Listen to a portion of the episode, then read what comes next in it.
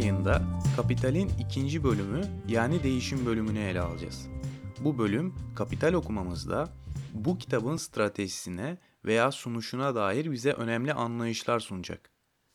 Bir önceki bölümde çok kısaca şunlardan bahsetmiştik. Meta'nın değer yönünden piyasa, emek yönünden soyut emek diye adlandırdığımız şeyin temsili biçime ihtiyacı olduğunu söyleyip bu biçime ise paradır demiştik. Paranın kaynağı göreli ve eş değer ikiliğinden oluşur. Göreli değere değeri belirlenen, eş değere ise değeri belirleyendir dedik. Evrensel ortak bir eş değerde değişimi arttırır. Bu da para biçimidir dedik. Daha sonra ise metafetişizmi kısmını ele aldık. Kısaca buraya kadar metafetişizmi somut emeğin soyut emekte yani piyasada değer bulmasına dair bir sorundur. Çünkü piyasa ve onun fiyat olarak para karşılığı bilinemez şekillerde belirlendiği ve sabit kalamadığı için piyasa emeğimin gerçek değerini yansıtabilir de yansıtmayabilir de. Bu yüzden herkesin yarattığı bu piyasanın aynı dini putlar gibi herkesten bağımsız görünen bir hale gelmesine metafetişizmi denir dedik. Şimdi ise bu olanlara biraz daha yakınlaşacağız ve değişimin kendisine odaklanacağız. Burada Marx'ın stratejisi şu yönde. İlk olarak liberal varsayımlardan yola çıkıyoruz. Çünkü kapital bize diyor ki bazı çelişkilerden söz edeceksek içinde bulunduğumuz sistemin varsayımlarını ilk olarak bir kabul edelim. Bu sistemde yok efendim dolandırıcılıklar varmış, sendikalar varmış ya da rantiyeler gibi parazit sınıflar varmış. Bunlarla pek ilgilenmeyeceğiz. Bizim için önemli olan ideal liberal varsayımdır. Yani görece namuslu ve sıkıntısız bir kapitalizmden yola çıkacağız. Çünkü kapitalist sistemimizde arada sırada yolsuzluk ya da vergi kaçırma gibi küçük hınzırlıklar yapsak da genelde kabul ettiğimiz ideal dünyanın bu yönde olması değildir. Aynı zamanda kapitalizmi bunlarla açıklamaya kalkarsak hem namuslu kapitalistimizin nasıl para kazandığını açıklayamayız. Yani sistemin temel dinamiklerini ele alamayız. Hem de elimizdeki argümanlardan onlara sıçrarsak adı üstünde bu bir sıçramadan ibaret olur. O halde kısa bir süreliğine liberal olmamız gerekiyor.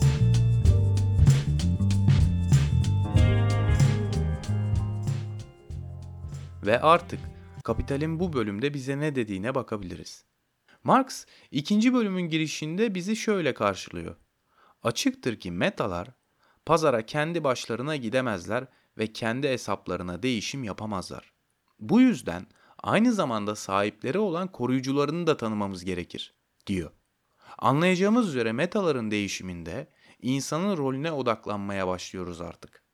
Bir önceki yayında 30 sarma tütünümü yani göreli değerimi 17 liraya ya da 5 gümüşe yani eş değere eşitledim. Farz edelim ki bunları değiştireceğim. Yani satışa sunacağım. Sarma tütünümü satışa sunuyorum. Ardından sigara fiyatlarından muzdarip bir alıcıya rastladım. Fakat para vermek istemiyor. Parası yok. Ya da zorla almaya da kalkabilir. Peki bu birbirine eşit değerleri nasıl değiştireceğim? O halde tütünün sahibi olarak benim, metamın sahibi olduğumun ve alıcının da parasının sahibi olduğunun karşılıklı kabulü gerekir. Bu kabulün de hukuksal olarak korunması gerekir. Bu da mülk edinmemiz, onu koruyabilmemiz, alıp satabilme ve miras bırakabilmemizdir. O halde rahatlıkla diyebiliriz ki meta değişimi ne kadar gelişmiş ve palazlanmışsa mülkiyet yasası da o düzeyde genişlemek zorundadır. Yani bizler tütün satıcısı olarak ve tütünümü alacak para sahibi olarak belli mülkiyet sahipleriyiz ve eş değerde metaların değişimi için birbirimizin mülkiyetini eşit düzeyde görmemiz gerekir. Yani hepimiz meta taşıyıcıları olarak metamızı eş değerde satıp alabilme hakkına sahibizdir. Çünkü bizler metamızı değiştirirken sadece birer taşıyıcı olmak bakımından eşitizdir. Dinimize, dilimize, ırkımıza bakılmaksızın metaları alma, satma veya üretme hakkımız vardır. Kimse bana sen zencisin, sen gaysin, sen kadınsın. Bu yüzden senin metanın değeri asıl değerinin yarısıdır diyemez. Ayrıca ben metamı satışa sunmadıysam kimse bana sattıramaz. Ya da metamı istediğim herhangi bir diğer meta ile karşılıklı rızayla değiştirebilme hakkım vardır. Buna da özgürlük deriz. Özgürlük, karşılıklı rızayla istediğim değişimi veya ilişkiyi kurabilme hakkımdır. Yani öyle her istediğimi yapabilmem değildir. Belli bir rızaya ihtiyacım vardır. Gayet makul tanımlar gibi görünüyor. Değil mi? Marx'ın dilinden de söyleyelim bunu. Bu kişilerin birbirlerinin özel sahiplik haklarını karşılıklı olarak tanımaları gerekir.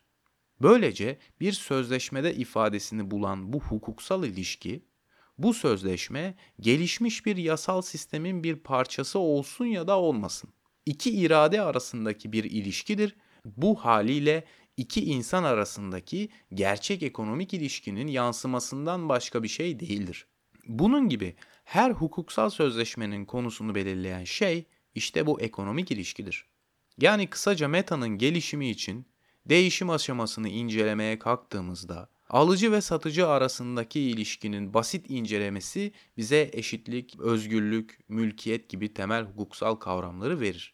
Bunlar da gündelik hayatımızda kullandığımız, maruz kaldığımız ve uyguladığımız pratiklerdir. Mesela çocuğumun iyi bir eğitim almasını istiyorum. Bir alıcı olarak bütün dünyanın eğitim kurumları bana açıktır mesela. Sadece bize kalan İngiltere mi yoksa Kanada mı diye düşünmektir. Devam edelim. Mesela ben tütünümü satacağım. Meta'nın kullanım değeri özelliği olması gereklidir. Çünkü başkası için yararlı olmalı. Fakat onu kullanım değeri için satmam.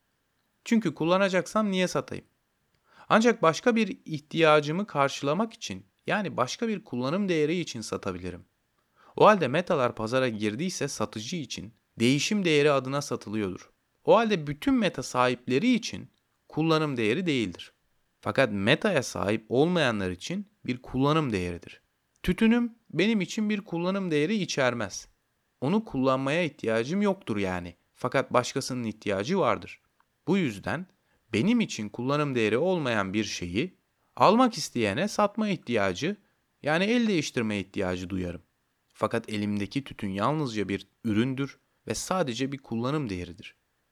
Tütünümü başka bir kullanım değeriyle değiştirmek istiyorsam ilk önce tütünümün ortak evrensel bir eş değerle yani parayla değiştirmem yani ürünümü satmam gerekir.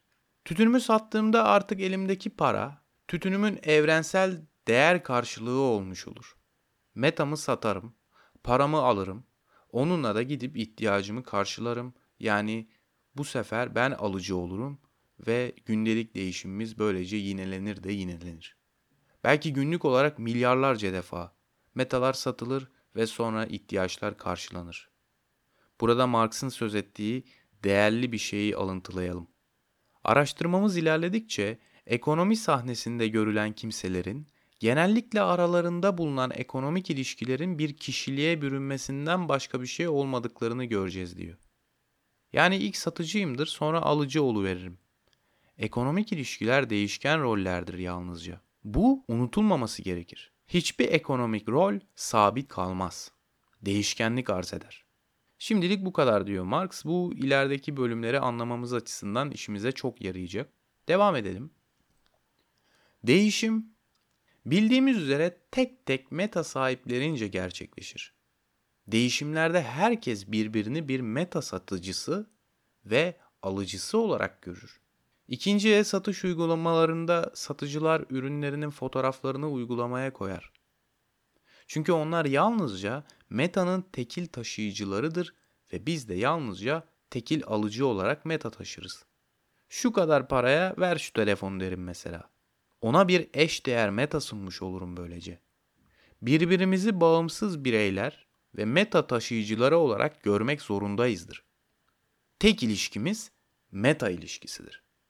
Çünkü bu sistem bireysel meta taşıyıcılarından oluşur ve ortak mülkiyeti barındırmaz. Bireysel meta taşıyıcıları diyoruz çünkü Marx bize mesela aile veya kabileler gibi ya da eski Hint topluluğu ya da İnka medeniyeti gibi toplumların yani eski toplumların mülkiyet yapısının bir ortaklığa dayandığını, bu toplumların farklı kabilelerle değişiminin genelde rastlantısal olduğunu ve değişimin sonunda metanın ortak mülkiyette var olduğunu tarihsel olarak bize hatırlatıyor. Daha sonra ise kısaca değişimle birlikte yararlı yabancı nesneler arttıkça başka başka metaların gereksinimi ve değişim ihtiyacı da artıyor. Ve Marx bu noktada bize şunu vurguluyor. Değişimin durmadan yinelenmesi bunu olağan toplumsal bir eylem haline getirir. Bu nedenle zamanla emek ürünlerinin hiç değilse bir kısmı özel bir değişim amacıyla üretilmek zorundadır. İşte o andan itibaren bir nesnenin tüketim amacı için yararlılığı ile değişim amaçları için yararlılığı kesinlik kazanır. Artık kullanım değeri değişim değerinden farklı hale gelmiştir. Yani diyor ki Marx, değişim arttıkça üretim ihtiyacı da artar ve hiç değilse bazı metaller sırf değişmek için üretilir. Mesela selfie çubuğu üretiyorsam kendi kullanımım için 200 bin tane üretmem. Metaların değişiminin çok fazla olduğu bir sistemde olduğum için başkalarının kullanım ihtiyacına yönelik selfie çubuğu üretirim. Bildiğimiz üzere meta değişimi, metamı elden çıkarmak istediğimde gerçekleşir. Bu yüzden eski göçebe toplumlarda diğer toplumlara göre daha fazla değişim söz konusudur. Çünkü göçebe toplumlarda doğrudan elden çıkarılabilir nesneler olduğu için para biçimi daha erken gelişmiştir. Ayrıca eski ekonomiler hakkında Marx, insanların para malzemesi olarak köleleri kullandığını fakat toprağı hiç kullanmadığını hatırlatır ve toprağın alınıp satılan bir para malzemesine dönüşme olgusunun ancak iyi gelişmiş bir burjuva toplumunda olduğunu söyler. Bu da 17. yüzyılın son 30 yılına rastlar ve ulus ölçüsünde uygulanması Fransız devrimi sırasında görülür. Meta değişiminin gelişiminin sonucu olarak Marx devamında şunu diyor. Değişimin yerel bağlarını kopardığı ve metaların değeri gitgide soyut insan emeğinin maddeleşmesine doğru genişlediği ölçüde paranın niteliği de evrensel eş değer toplumsal işlevini yerine getirmek için doğal haliyle en uygun metalara bağlanır. Bu metalar da değerli madenlerdir. Yani tütünümü sattım. Gittim kahve fincanı aldım. Aslında yapmış olduğum kahve fincanını aldığım kişiye tütünün değer temsili olarak parayı vermek oldu. Ona tütün vermedim de onun değer temsili parayı yani evrensel soyut emek biçimini verdim. Böylece parayla değişimi sağlamış oldum. Bu paranınsa modern biçimindeki hali altın ve gümüşte temsilini buldu. Tabi Marx altın ve gümüş diyor. Üçüncü bölümün başında kolaylık olsun diye dediğini söyleyecek bize. Fakat altın ya da gümüş değerli olduğu için para olmaz. Para oldukları için değerlidir. Altın ve gümüşün değeri de tıpkı diğer metalar gibi toplumsal olarak gerekli emek zamana göre belirlenir. Altın ve gümüş de tıpkı diğer metalar gibi başka bir metaya göre değerinin büyüklüğü anlaşılır. Para olabilmiştir. Çünkü tek düze bir forma sokulabilir, bölünebilir ve simgeleştirilmesi kolaydır. Fakat altına, elmasa yönelik ilginin nedenini anlamaya çalışanlar sürekli olmuştur. Mesela Huxley'in algı kapıları denemesinde Huxley altın gibi değerli madenlerin neden değerli ve insanın ilgisini çektiğine yönelik Jungçu bir kolektif bilinç dışı anlayışıyla cevap bulmuştur. Mesela insan sürekli bilinç dışı düzleminde parlak olan şeylere ilgi duyuyormuş. Cennet, ışık, nur gibi kolektif bilinç dışı imgeler buna örnekmiş. O halde altın da insanın aynı cennet gibi yöneldiği bir parlak imgeymiş. Bu yüzden altını insan değerli bulurmuş. Bu metafetişizmi dediğimiz şeydir işte. Altın ve gümüşün veya bunların evrensel eşdeğer olmalarının ve değerlerinin belirleniminin diğer metalara göre olmadığını söylemek ve onların doğasında değerli olduğunu söylemek, insanın ilişkilerinden bağımsızlığını vurgulamak, yani ona insanın üretiminden, ilişkilerinden bağımsız bir doğa atfetmek metafetişizmi değil de nedir? Yani öyle bir insan doğası varmış ki altın ve elmas diğer metalar karşısında değer kaybetmeyecekmiş asla. Vardığı şey bu. Peki meta üretimi sabit kalırsa ve altının üretimi ve dolaşım hızı iki kat artarsa altın o parlaklığını kaybetmez mi? Yani değeri iki kat düşmez mi? Elmas niye değerlidir? Kolektif bilinç dışının yansımaları mıdır? yoksa toplumsal gerekli emek zamanının çok harcanmasıyla mı ilgilidir? Kısaca elmas çıkartmak kolay iş değildir. Bu yüzden değerlidir elmas. Huxley bunları söylemiş, bizse ayık bir kafayla bu konuları ele alalım yoksa cennetin tanrısal ışıklarıyla altının değerini belirlerken buluruz kendimizi. Ama bize göreli ve eş değer zaten yeterli. Şimdi konumuza geri dönelim. Altın ve gümüş olarak para simgeseldir. Ama altının ve gümüşün kendince kullanım değerleri de vardır. Gümüşten kolyeler ve altından diş dolguları buna örnektir mesela. Fakat altın ve gümüşün para simgesi olarak kullanım değerleriyle bir ilgisi yoktur. Onlar yalnızca toplumsal gerekli emek zamanın ortalaması olarak temsillerdir. Anlayabileceğimiz üzere bu para dediğimiz simgede bir meta olduğu için tıpkı diğer metalar gibi 10 liranın değerini ancak diğer metalara göre anlayabilirim. Genel olarak ikinci bölüm böyle. Marx bölümü şöyle bitiriyor. Meta üreticilerinin kurulu bir toplumun giderek gelişiminin ayrıcalıklı bir metaya para damgasını nasıl vurduğunu gördük.